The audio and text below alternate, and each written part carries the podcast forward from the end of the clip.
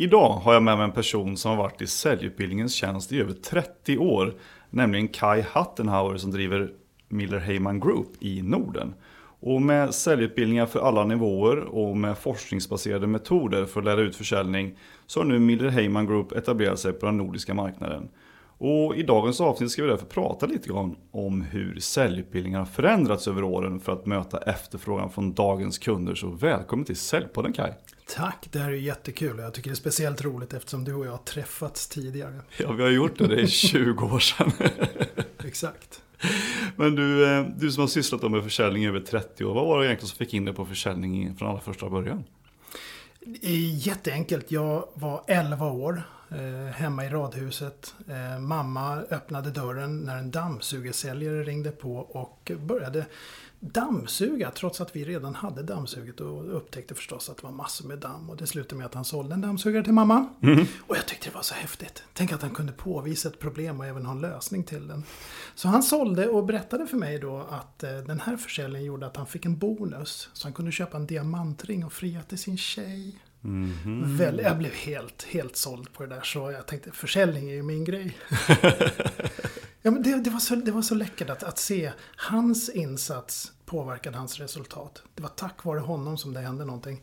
Så, så um, jag har sålt i princip sedan dess på olika sätt. Eh, men mitt eh, riktiga jobb det, det fick jag tidigt i min karriär. När jag var 20 år sökte jag mig till Xerox för de hade så bra säljskola. Så jag ville verkligen lära mig försäljning från grunden. Så jag var deras yngsta säljare. Blev också deras bästa säljare. Mm. Coolt. Ja. Så. Xerox är ju känt liksom för sina säljare, att den lägger väldigt mycket tid och pengar på att uh, utveckla försäljningen. Exakt. Mm. Ja, jag, jag, tyckte det var en jättebra skola. Man fick verkligen lära sig försäljningen från grunden. Mm. Men att gå därifrån till att sen komma in på att börja utbilda om sälj. Varför, varför den vägen? Det hade att göra med den utbildning jag fick. Mm. Eh, jag fick en utbildning som heter SPIN. Jag tyckte det var så himla spännande att, att det fanns forskning bakom försäljning. Att någon hade tagit reda på att eh, gör så här så får du ungefär det här resultatet. Jag tyckte det var otroligt spännande. Så jag började läsa mer och mer. Uttryckte ett visst intresse att själv börja jobba med utbildning och fick ansvar för fadderverksamheten på Xerox och tyckte det här ska jag göra. Så jag sökte mig till utbildningsavdelningen. Min chef tyckte inte att jag skulle göra det. Bra med sin bästa säljare. ja, exakt. En klassiker. Alltså, så, så, vi hade en liten en, en fight där. Det slutade med att jag tillsammans med några andra från Xerox startade ett utbildningsföretag. Som, som numera då är uppköpt av Miller Hyman Group. Okej. Okay. Så det, var, det, är egentligen en väldigt lång eh, resa som har varit eh, sen Xerox? Ja, exakt. Så, så och, i den här utbildningskoncernen som då numera heter Miller Hyman Group, där finns då gamla Xerox anor med. Så Xerox startade en säljskola och eh, startade också ett eget utbildningsföretag. Som nu är med i våran grupp. Mm -hmm. Cirkeln är sluten. Yes. Men du, för vi sa ju i inledningen här att vi träffades ju då för 20 år sedan när jag jobbade på ett läkemedelsbolag uppe i Idrefjäll på en, på en um, säljskola och säljutbildning. Men hur många bolag har du egentligen jobbat med under de här 30 åren? Har du koll på det? Nej. Det hade varit jättekul att föra bok på det. I början mm. så började jag föra bok på alla konferensanläggningar jag varit på. Det är ju massor. Eh, nej, jag har, jag har inte koll på det men det är väldigt, väldigt många och också i väldigt många olika branscher. Mm. Jag har utbildat ungefär 10 000 eh, ledare och säljare i som sagt olika branscher. Jag har, jag har hjälpt företag att sälja kärnkraftverk. Jag har hjälpt företag att sälja små datorer. Jag har hjälpt företag att boka annonsplatser. Så det har varit en otroligt spännande resa och, och, massor, massor med resultat har kommit ur de här utbildningarna. Det är det som har fört mig vidare. Mm. Hur säljer man ett kärnkraftverk då? Om jag berättar det måste jag döda dig. Ja, just det. Det är fortfarande sekretess på det. Nej, men det är ju väldigt, väldigt komplex försäljning och långa, långa lösningar. Mm. Ja, det är lite skillnad än, äh, än en cola på stan. Ja, och, och, det är otroligt många människor involverade också. Det är det som har hänt med försäljningen, att det blir ju mer och mer komplext. Eh, mm. Fler och fler människor är involverade i besluten. Om vi, om vi tittar på vårt företag, vi, vi är ju lite unika därför att vi forskar en hel del inom försäljning och har gjort det sedan väldigt, väldigt länge. 57 började vi forska. Mm. Så vi, vi bedriver världens största och längst pågående forskning om försäljning. Men vad vi ser då om vi tittar på köpbeteenden är det att det antalet beslutspåverkare i ett genomsnittligt köp har de senaste sex åren ökat med 30 procent. Mm. Det är väldigt stor ökning. Mm. Det betyder att vi som är säljare måste ha koll på vilka är det som påverkar beslutet. Tyvärr är det många säljare som medvetet eller omedvetet hoppar över det. För man mm. orkar inte engagera sig så mycket. Men tänk att en kund som fattar beslut tar intryck av 5,6 andra personer. Ha koll på dem så blir det lättare att nå resultat. Mm. Och det är förmodligen kanske ännu mer då om man ska sälja ett kärnkraftverk. Mycket mer. Men hur tycker du att, liksom, att säljutbildningarna har ändrats då sen du började för 30 år sedan? Ja, det är ju en hög, eller det är en jätteintressant fråga. Framförallt så är det ju mycket kortare tid man har på sig. Förut så kunde vi leverera två plus tre plus två dagar i samma ämne. Idag så ska du göra allt det där på två dagar.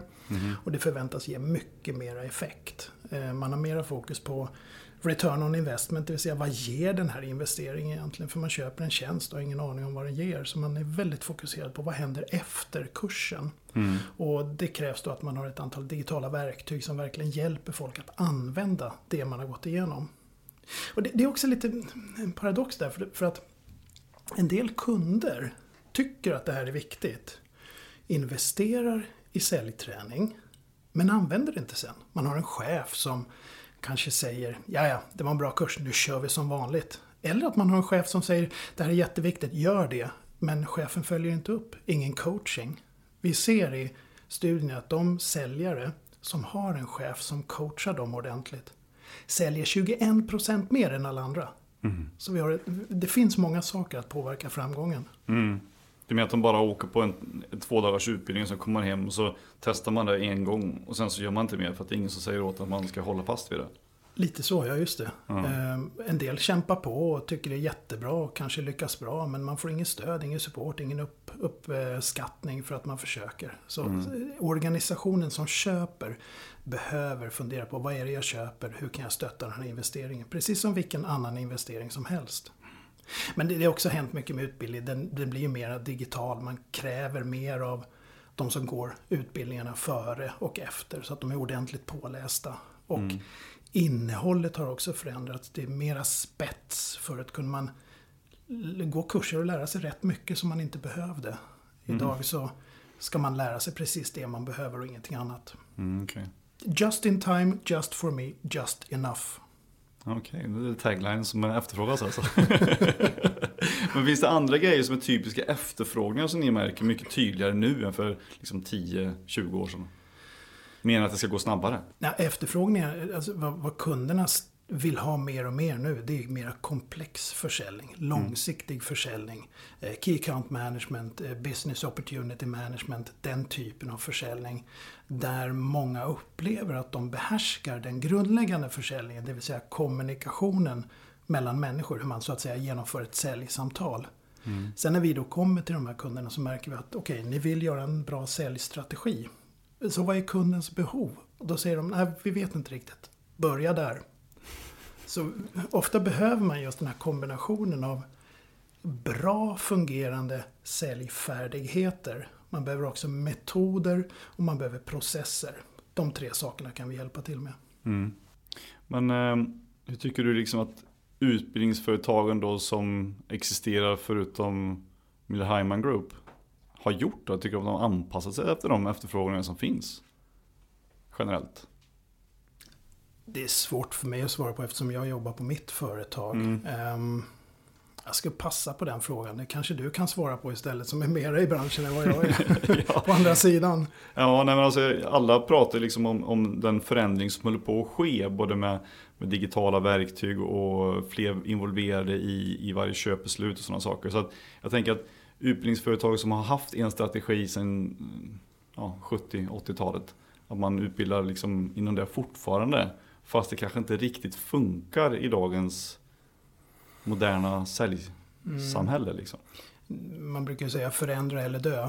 Mm. Och eh, många har ju förändrat sig. Och en del utbildningsföretag jag är lite nörd där. Jag, jag, jag Mm. följer 30 aktörer på marknaden. Mhm. Har gjort det väldigt länge och tittar på omsättning, vinst. Och jag ser att en del har helt och hållet försvunnit. Därför att de har inte anpassat sig till den marknad som vi nu har. Mm. En del har också sjunkit väldigt kraftigt i omsättning därför att de har valt att göra på ett annat sätt. Man håller mera föreläsningar istället för utbildningar. Eh, Det kräver lite att genomföra en utbildning som ger resultat. Mm. Man kan inte bara stå på scenen och hålla en föreläsning utan vi måste ju få människor att förändra sitt beteende. Då kräver det att man har en omväxlande pedagogik, en, en, en vettig metodik och att man har verktyg. Man måste jobba digitalt, man måste jobba med gamification, man måste få folk att, att vilja göra den här beteendeförändringen. Mm. Det kan man inte göra genom en föreläsning. Nej, precis. Det blir lite för kort om tid liksom, för att kunna, kunna göra liksom, en förändring på en timme. Ja, exakt. Ja, det är, men, men många gånger så ser vi det att, att eh, kunderna... Ett exempel är, vi, vi pratar med en, en, ett prospect på ett företag inom läkemedelsbranschen faktiskt som, som eh, ville gå utbildning. Men vad hon fick, det var att gå på en gratisföreläsning. Det blev årets utbildning för henne och sen skulle hon berätta för de andra vad hon hade lärt sig. Så det är tuffare och tuffare i organisationer. Man håller mer och mer i pengarna. Så Mm. att, att få köpa utbildning är inte längre en individs beslut. Utan många gånger är det högt upp i organisationen som man fattar de besluten. Mm. Tycker du att de utbildar sig för lite fortfarande då? Definitivt. Mm. Jag träffar jättemånga företag där om man har nyanställda som har varit nyanställda i ett år innan de får en utbildning. Mm. Det borde vara en, en klockren del av onboarding-projekten. Vi, vi bedriver många olika studier och en är eh, att titta på talanger. Och vi ser att det tar 12,9 månader att få igång en nyanställd säljare. Det tar ungefär tre månader att hitta den och sen ytterligare nio månader att få igång den. Mm. Och den här tiden är ju oerhört kostsam. Så tänk om man kan tidigare lägga det. Så man, man får en, man får en, en skrivbord, en dator och, och en Microsoft-licens. Man borde få en licens på en bra utbildning direkt Mm. och träna sig i det. Det. Alla är inte där, en del är där. Nej. Men de som väljer att ta den vägen då, liksom, eh, kan man tydligt se att de, den tiden sjunker då från 12,9 ner till halvering liksom, om du får en säljutbildning det första som händer? Förutom att får en produktutbildning, för det eller tjänsteförståelse liksom. Men, Det, nu byter jag ämne lite. Det där du säger man får produktutbildning. Jag, jag blir nästan störd över det. För att många organisationer idag, en modern säljorganisation, pumpar produktutbildning in i sina säljare men glömmer bort hur man säljer, hur man Mm. kommunicerar. Och så får man då ett antal säljare som är peppade på sina produkter, går ut och informerar marknaden om de här produkterna.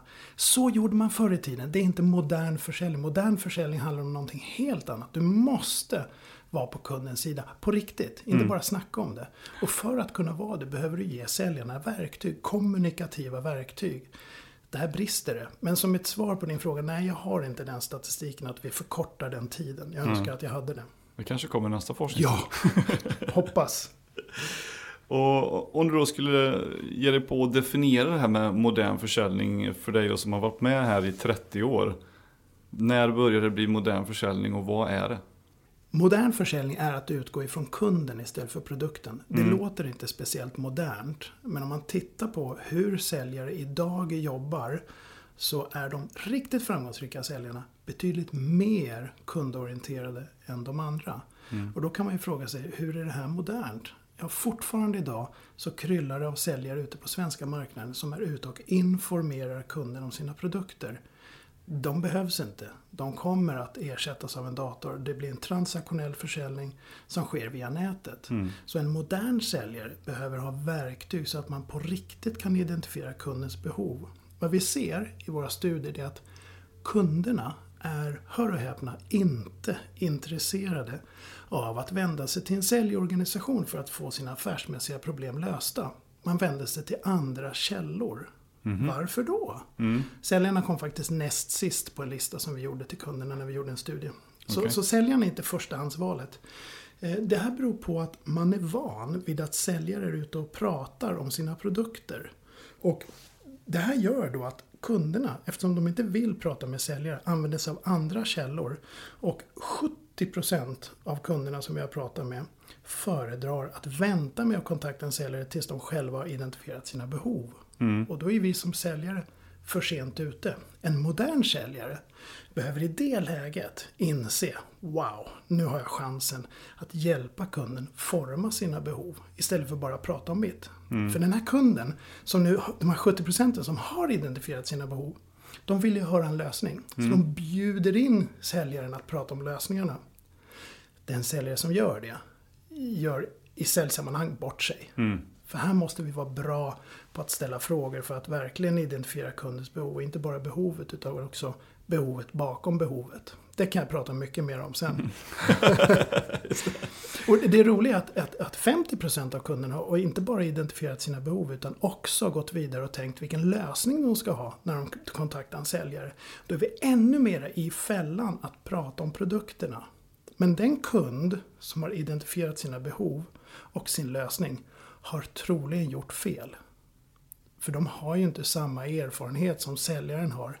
Så därför blir det sjukt viktigt för säljaren att kunna tillföra nya perspektiv till kunden. Få kunden att utbilda sig, att få kunden att tänka till. Vi ser i en studie att de säljare som är riktigt bra på att ge kunden perspektiv, hör, hör nu, de har 50% högre win rate än alla andra. Så det här är en stor grej. Och hur gör man det då? det är bra. Man kan ge tillföra, för det första så måste du vara påläst. Ja. Så det är en, en av de fyra viktiga förväntningarna att du som säljare är ordentligt påläst om kundens situation. Men du behöver också jobba med datainsamling om kunden, kundens bransch, kundens eh, konkurrenter, kundens produkter, kundens kunder, kundens personal. Så mycket information som möjligt och sen så länka det till den informationen du har internt. Det kanske finns ett bra system internt så att du har en massa information som du kan tolka och dela med dig av till kunden. Så att du därigenom kan tillföra perspektiv. Mm. Och det kan vara att du till exempel hjälper kunden att se behov som de inte såg att de fanns. Typ exempel dammsugarsäljaren som visar dammet som är kvar trots att man har dammsugit. Mm.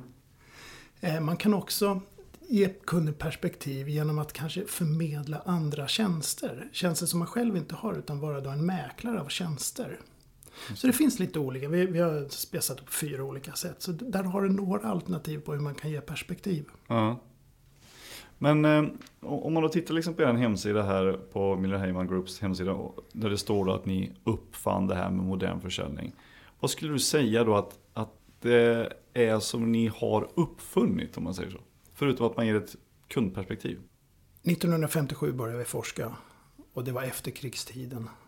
Då lyckades man genom att ha en bra produkt. Mm. Redan där såg vi att, vänta här nu, några säljare är faktiskt mer framgångsrika än andra. Vad gör de? Jo, de fokuserar på något som vi kallar för kundbehov före de presenterar, behov, eh, presenterar lösningen. Och det är starten till modern försäljning. Därefter kommer spin in. Eh, där Neil Rackham på Huffwaite eh, började titta mera djupare på hur säljare beter sig. Och eh, vi kan kalla det för solution selling. När man alltså fokuserar på kundbehov och tillför en lösning som hjälper kunden bli av med ett problem. Istället för att bara prata om en produkt.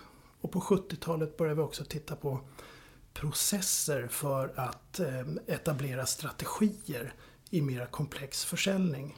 Och då skapades något som heter strategic selling och eh, ett verktyg som heter Blue Sheet som har blivit eh, industristandard i väldigt, väldigt många företag. Mm. Okej, Därför hävdar vi att vi har uppfunnit modern försäljning. ja just det. Och sen fortsätter det egentligen eh, nu 2019 då med bara att utveckla de idéerna eller har ni liksom uppfunnit nya metoder och idéer mm, under tiden? Givetvis anpassat till kundernas efterfrågan men Mm. Det- där är en högaktuell fråga. Hur förfinar vi det vi har? För vi har ju faktiskt kvar samma namn fortfarande på våra produkter. Vi har kvar Spin, ingår i vårt sortiment.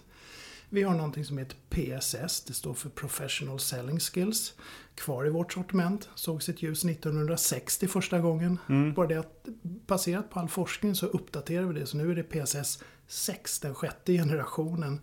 Och när det gäller strategi, strategic selling eh, med Blue Sheet så baserat på forskningen så har vi uppgraderat den också. Så nu handlar det väldigt mycket om hur man kan tillföra perspektiv. Och då heter utbildningen Strategic Selling with Perspective. Okej. Okay. Mm. Och så länkar vi allting till, till digitala verktyg. Mm. Är det just den sista delen där som är det som, eh, vi var inne på lite grann förut, men är det det som gör att man hänger så att säga med även fast man har metoder som man uppdaterar? Det de digitala verktygen som blir add-on hela tiden?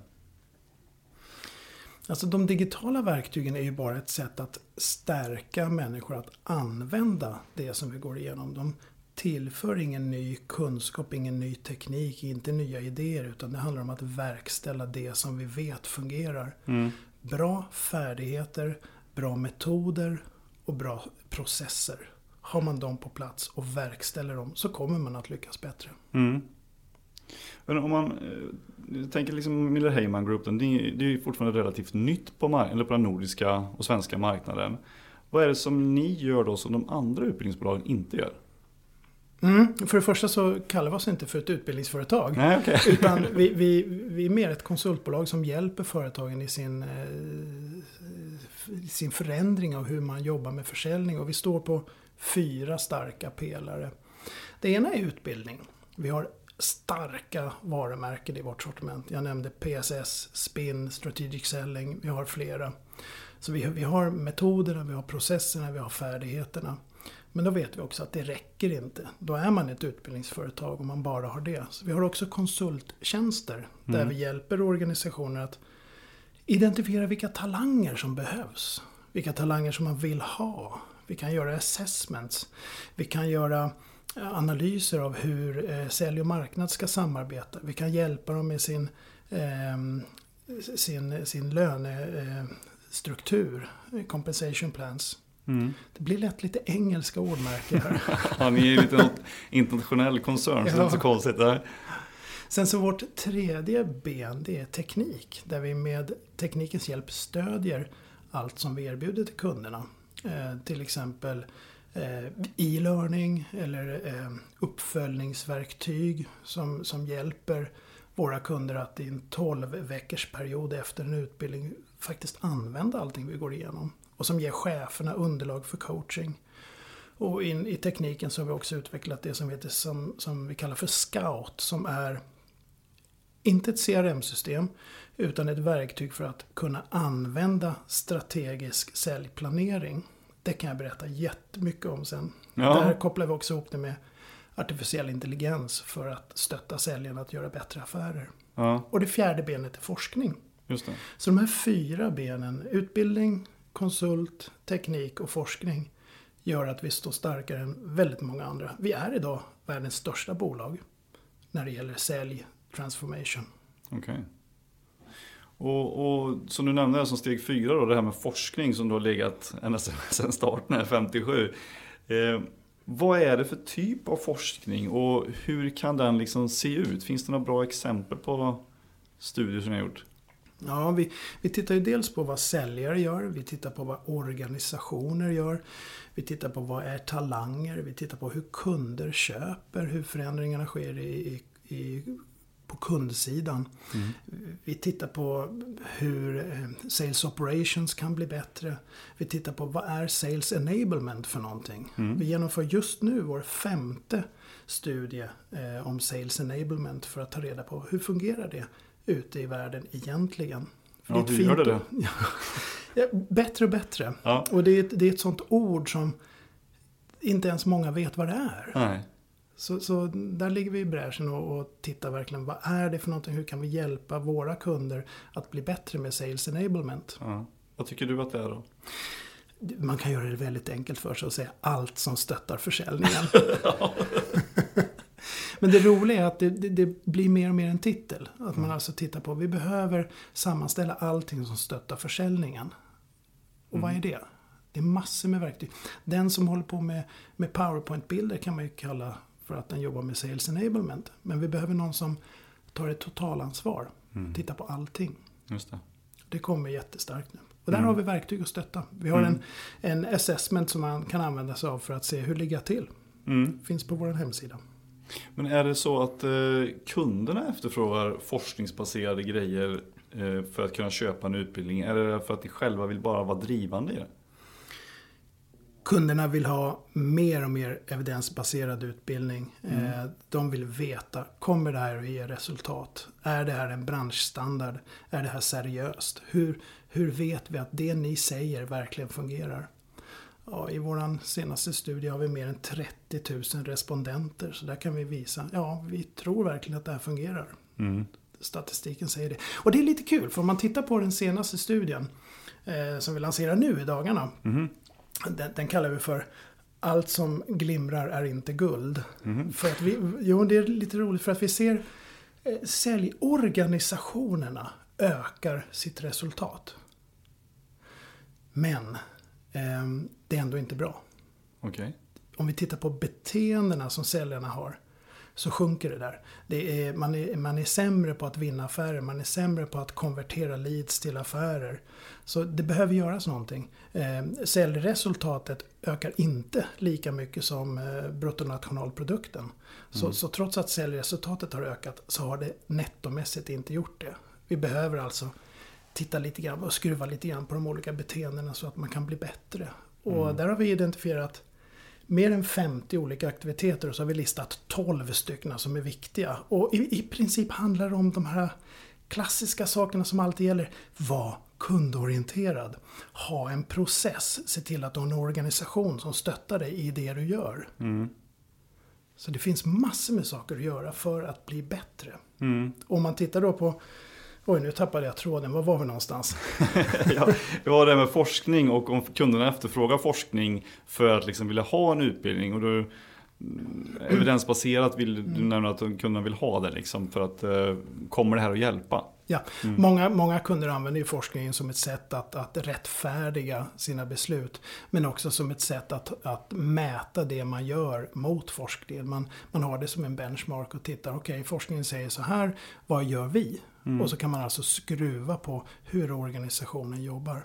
Och hade vi inte forskningen så, så hade vi bara varit människor med en åsikt. Men vi har fakta. Mm.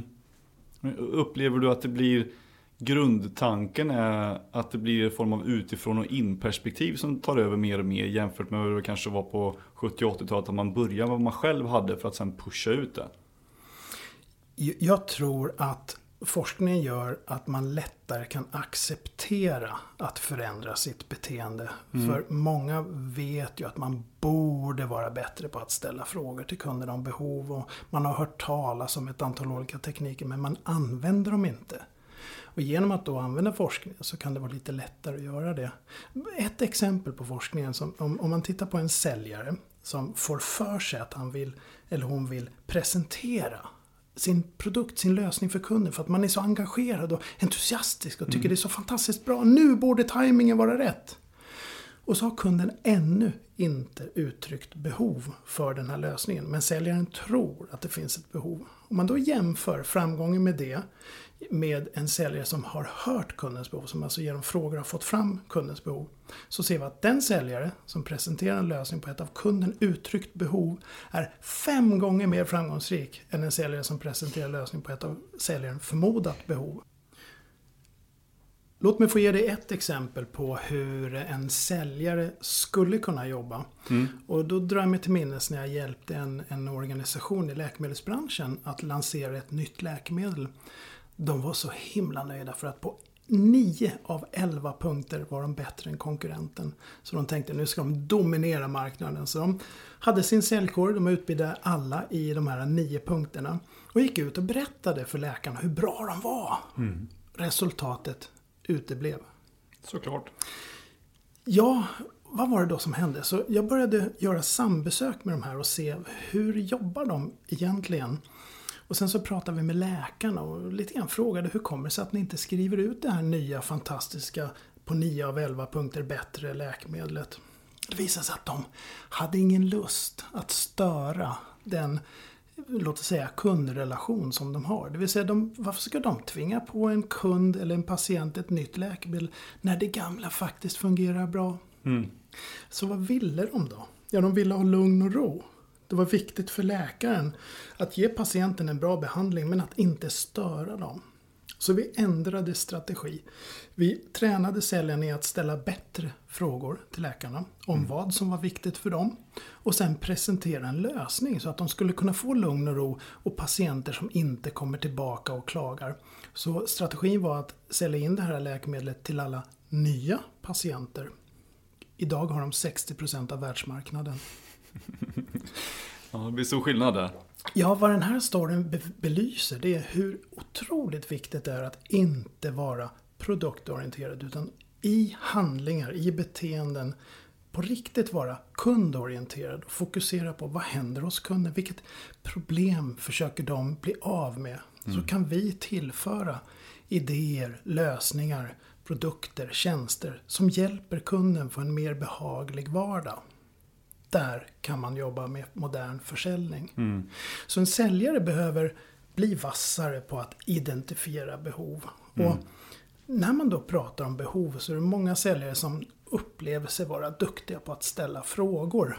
Jag har coachat många säljare, lyssnar på dem och jag hör säljare ställa massor med frågor på en gång. Mm. Och nästan alltid så svarar kunden på den sista frågan. Och många gånger är den sluten så säljaren får ett ja eller nej. Mm. Men många gånger är det också den första frågan som är perfekt. Den är riktigt, riktigt bra. Säljaren kanske frågar Vad är viktigt för dig nu när ni ska? Men så orkar de inte vänta på svar utan istället lägga till Jag menar, kommer ni att, eh, är ni ute efter att bla bla bla. Mm. Och då sabbar man hela behovsanalysen. Mm. Så en säljare behöver tänka på, eller egentligen strunta i vilka frågor man ställer och istället tänka på vilka svar man vill ha. För kundens information ligger i, hårt sagt, tre olika lager. Mm. Och ska man vara modern säljare, konsultativ säljare, kundorienterad säljare så ska man ställa frågor för att förstå. Inte för att man har gått en kurs. Mm.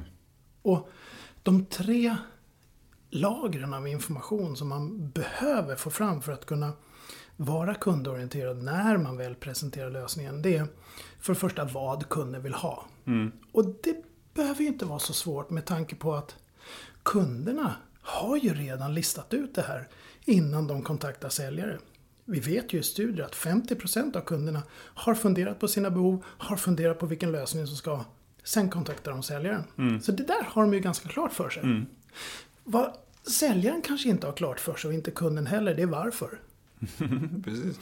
Så där, deras varför. Ja, mm. deras varför är jätteviktigt. Vad är, vad är egentligen bakgrunden till att de... Hur, hur kom de fram till det här? Det är ett till lager av information. Så första lagret är vad. Sen har vi ett varför-lager som heter situationen, alltså bakgrunden. Det är jättebra att få reda på. Mer viktigt är framåt varför. Det är det vi kallar för behovet bakom behovet. Nu börjar vi prata om vilka drivkrafter kunden har för att göra någonting överhuvudtaget. Mm. Tänk dig då att kunden har två säljare framför sig. Den ena säljaren är jättebra på att presentera lösning på ett vad. Det vill säga kunden säger vi behöver det här och så kommer säljaren och säger bra vi har det här, det är jättebra, halleluja. Sen har du en annan säljare som istället för att presentera en lösning börjar jobba med kundens behov och modellera det, kanske forma det och ge kunden nya perspektiv och insikter. Sen kommer lösningen och då kan man presentera en lösning som är anpassad till kunden. Även om lösningen är likadan så är presentationen anpassad till kunden. Vilken väljer kunden då? Vilken säljare köper kunden av? Ja, den som kan ge perspektiv. Såklart. Så ett vad och två varför. Där har du en modern behovsanalys. Mm. Snabbt förklarat. Exakt. Du behöver inte köpa någon kurs här. Utan... ja, och det här är ju teorin och den bjuder jag gärna på. Sen gäller det att jobba med beteende. Mm. Beteende per definition vad du säger och vad du gör. Mm. Och då behöver man verkligen träna på det. Man kan få med sig en chef, en kollega och så säger man till varandra. Nu när vi är ute och gör det här, lyssna på mig. Kolla vilka frågor jag ställer. Kolla hur jag formulerar dem. Får jag fram den informationen som vi behöver? Sen mm. ger man varandra feedback. Mm. Så konsulterna behövs egentligen inte.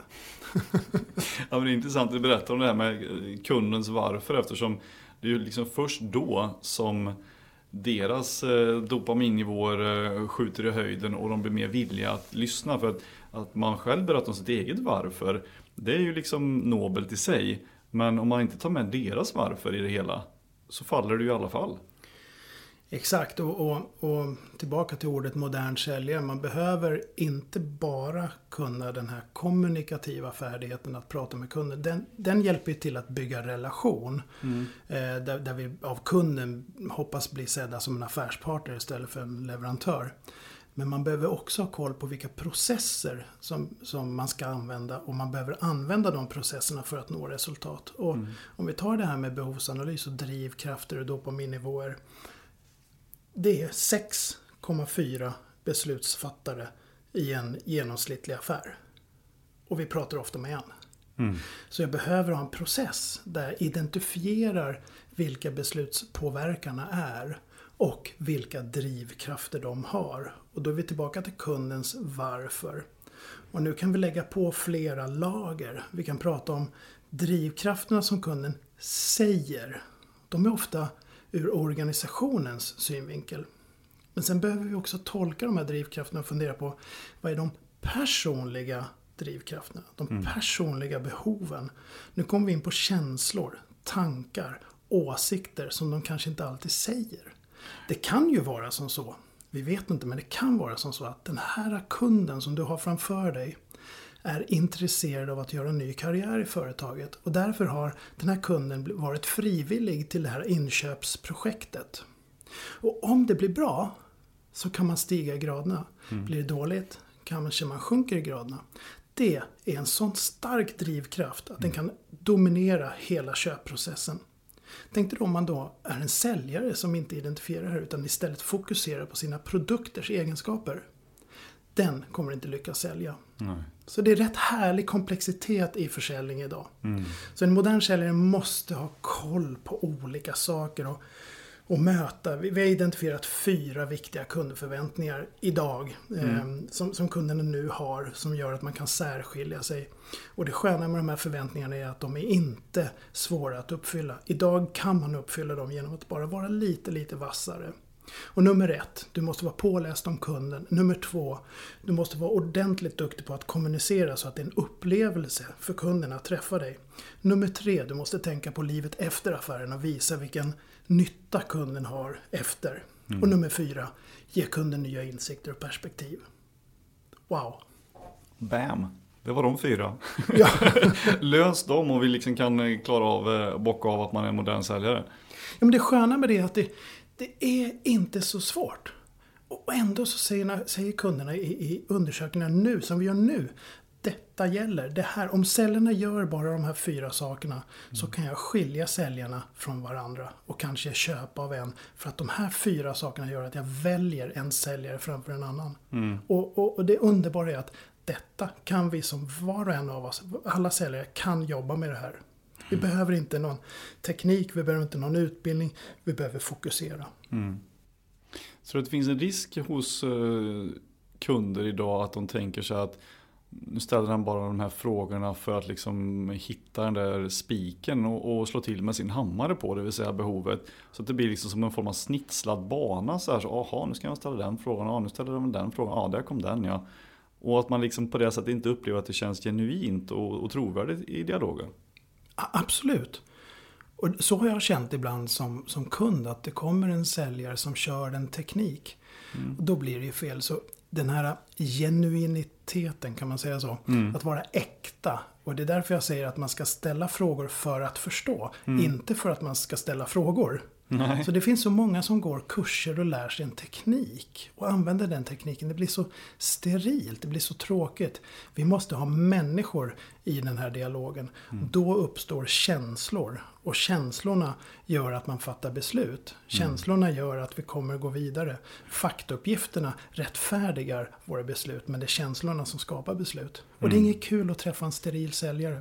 Så att vara genuin är, världens bästa säljdrag. Mm. Jag tror att det kommer att bli än mer viktigt här framöver för att kunna särskilja sig. Att inte liksom bör, eller ens liksom rättfärdiga att man har ett säljarbete istället för att flytta ut det på nätet. Ja, när du säger det här så kan man ju titta på en annan studie som vi har gjort där vi tittar på talanger. Mm. vad, egentligen vad, vad krävs idag för att vara en duktig säljare? Och det är så roligt att se för att många organisationer erkänner att de inte har de talanger som krävs för att nå resultat framåt. Utan man behöver nya talanger. Man har också identifierat att det krävs lite speciella saker av en säljare för att lyckas. Men man ändrar inte i sina platsannonser. Där söker man fortfarande efter det här gamla som fortfarande eh, eh, som man ser, nämligen att du ska ha ett visst antal års erfarenhet, du ska ha en viss utbildning och sådär. Och så när man då frågar säljledare, vad gör dina bästa säljare? Då är det andra saker. Då är det uthållighet, då är det problemlösningsförmåga. Så, så, så platsannonserna stämmer inte med vad man vill ha. Ändå fortsätter man med dem. Ja, det är väldigt märkligt. Ja, det, det, och vad vi ser det är 20% av alla säljare står för 54% av omsättningen. Och man kan dra det ännu hårdare och säga att 10% står för jättemycket av omsättningen. Men vi, vi, det går inte dit för det blir så, det blir så avancerat. Men om, om du leker med tanken att 20% av säljarna står för 54% av omsättningen.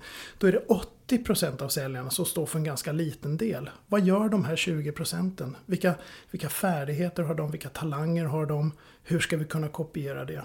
Det, det är tyvärr för få organisationer som ens har identifierat vilka de är och vad de gör. Tänk om man kan replikera det. Och det är förstås det vi jobbar med i vår konsultavdelning. Mm. Jag upplever att det är för lite liksom att man blir sin egen ambassadör in-house för de som är riktigt duktiga. Att de inte delar med sig av sin kunskap. Så som man kanske kunde förvänta sig eller borde göra för att få hela organisationen att växa. Jag tror inte att det är problemet ligger hos individerna utan jag tror att problemet ligger i organisationen. Man har inte skapat strukturer för den här, det här erfarenhetsutbytet och den här viljan att dela med sig. Ibland kan det han- handla om eh, geografiska hinder, ibland kan det handla om ekonomiska hinder. Man är helt enkelt rädd om sin budget. Man har inte tid, man har inte lust, man vill inte dela med sig.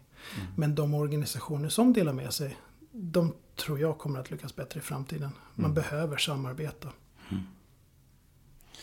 Eh, Jag tänkte jag skulle kolla lite grann med ett par saker som ni ändå lär ut och verktyg som ni har. Vi har varit inne och touchat lite på ett par av dem. Men det som ni då kallar för future selling och det här verktyget som heter Scout.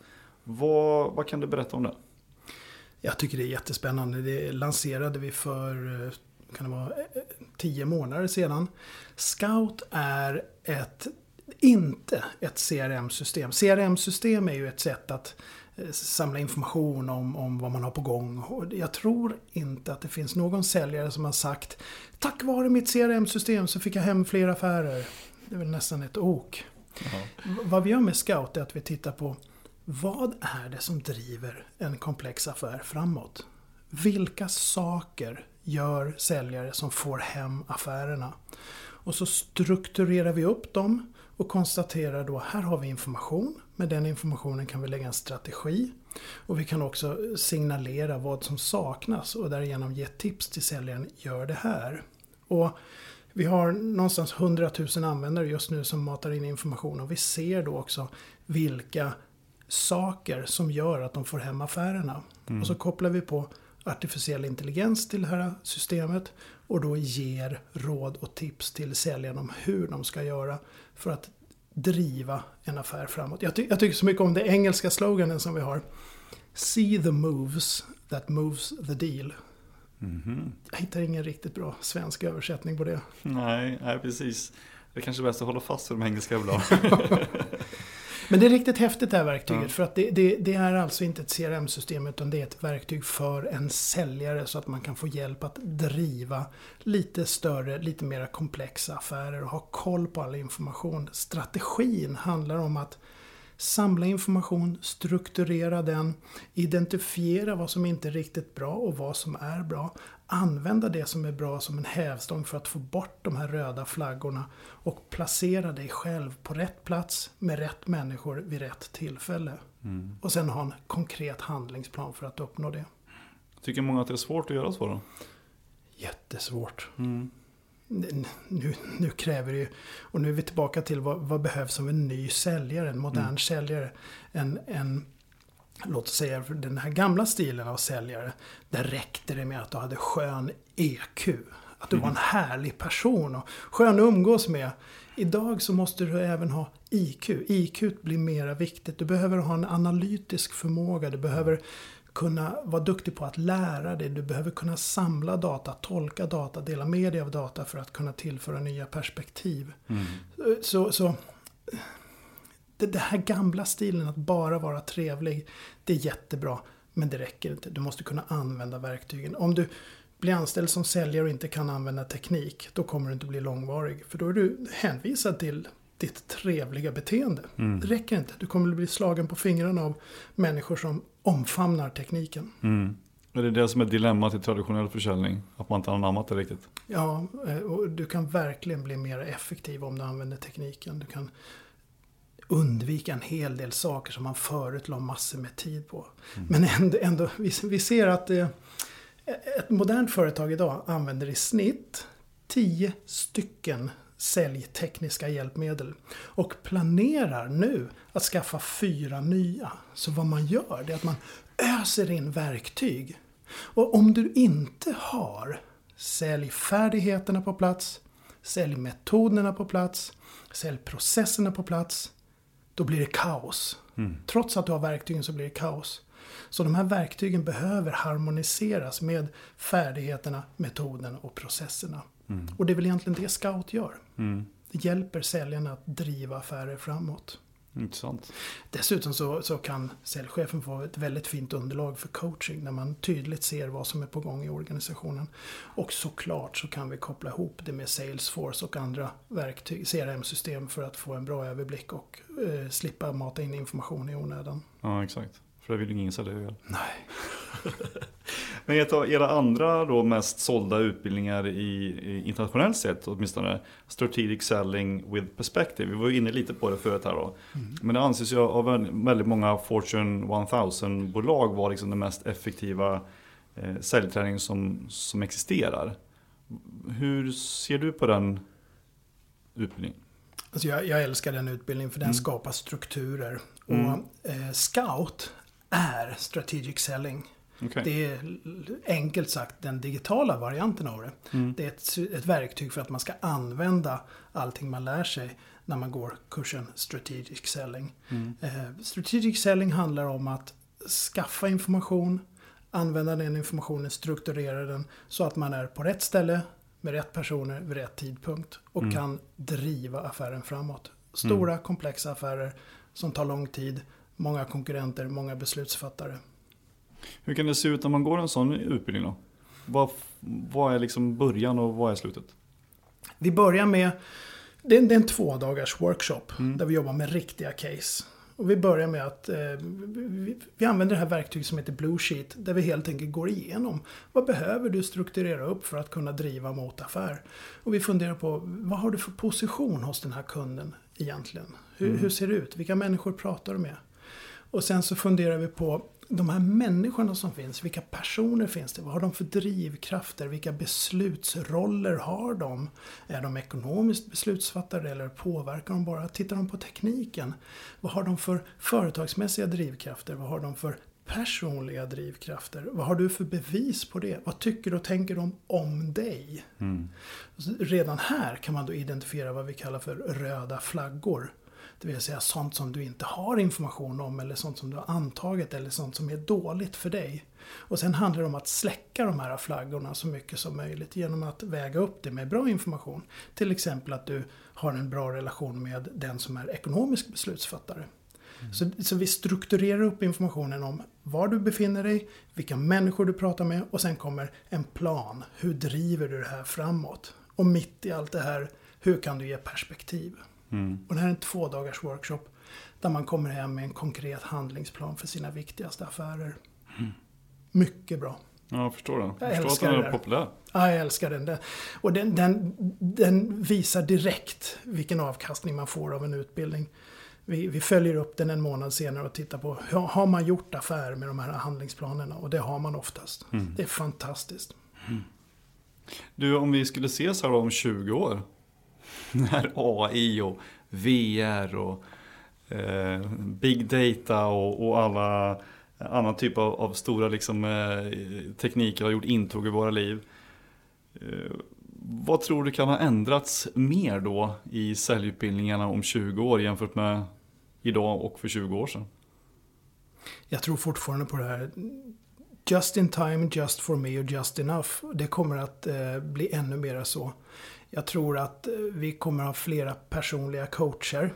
Kanske inte fysiskt närvarande utan en digital sådan som jobbar med artificiell intelligens. Mm. Du kanske tar fram din mobiltelefon eh, kort innan du åker till kunden. Eh, och då säger mobiltelefonen, nu har du det här mötet bokat, förra gången pratade ni om det här och den här gången är det viktigt att du tar reda på det här. Så du får en coach i mm. telefonen, eller vad du nu har i handen. Mm. Något form av digitalt verktyg. Just det. Och sen när du kommer hem så analyserar du eh, den här digitala enheten kanske spelar in eller lyssnar på vilka beteenden som fanns och matchar det med en databas om vilka framgångsrika beteenden man borde ha. Mm. Och så ger den dig feedback så du kan korrigera ditt beteende. Mm. Så tror jag det kommer bli. Det låter ju sjukt intressant. Ja, och jag tror att vi fortfarande, trots all teknik, kommer att behöva träna beteenden. Vi kommer att behöva möta människor av kött och blod mitt emot varandra och öva och se reaktioner av en analog individ. Inte en digital individ, utan en analog som har känslor och som tycker och tänker saker och ting. Mm. Sen jämför vi det med data. Mm. Och så bygger man databas och så blir det realtidscoachning sen med sådana här Google Glasses som läser av hinner. ja, och, och, ser vilken personlighet det är. Ja. Skannar av alla sociala medier, hur du har skrivit och vem du är. Och, okay. ja. Wow. Det, det, ja, det ska bli spännande att se som 20 år och se vad det är. Alltså vad vi, vad vi ser det är hela tiden att kunderna blir bättre på att köpa än vad säljarna blir bättre på att sälja. Kunderna ställer högre krav. Man, man, man måste vara bättre förberedd som mm. säljare. Du måste kunna tillföra ett värde i varje dialog. Du måste hjälpa kunden att fatta kloka beslut och, och så att de känner sig smartare, bättre, mer framgångsrika. Mm. Bättre på att lösa problem. Mm. Då lyckas man. Till sist då, vad, vad skulle du vilja att Sveriges säljare liksom reflekterar lite mer över för att komma in i det här att tänka lite mer modernt runt försäljning? Två saker. Nummer ett, eh, var hela tiden öppen för att lära dig nya saker. För det som gjorde att du kom dit där du är kommer inte att räcka för att hålla dig kvar där. Så var hela tiden beredd att lära dig nya saker. Nummer två, i varje interaktion du har med andra människor, se till att du kan tillföra ett värde. Och för att göra det behöver du kanske bli bättre på att ställa frågor, bättre på att ge perspektiv, du behöver vara påläst. Så tillför ett värde i alla interaktioner med andra människor. Mm. Då kommer man att lyckas. Det är två riktigt grymma tips tycker jag. Tack. Det är ju något för alla att fundera på och faktiskt jobba med. Och det har varit superkul att få höra liksom om, om, din resa och hur ni har byggt eh, bolaget här under de sista åren och hur eh, alla säljutbildningarna har ändrats och hur vi kan liksom anpassa det till ett mer modernt eh, tänk. Så tack så jättemycket Kaj för att du tog dig tid att vara med i Säljpodden. Tack, det var sjukt kul. Jag älskar att prata om ja, det här. Det är, min, det är min grej. vi får ses om 20 år igen. Vi verkar ju ha den eh, tidsspannet när vi ses. Ja, verkligen. Nej, det får bli tidigare. Ja, Tack så mycket. Tack själv.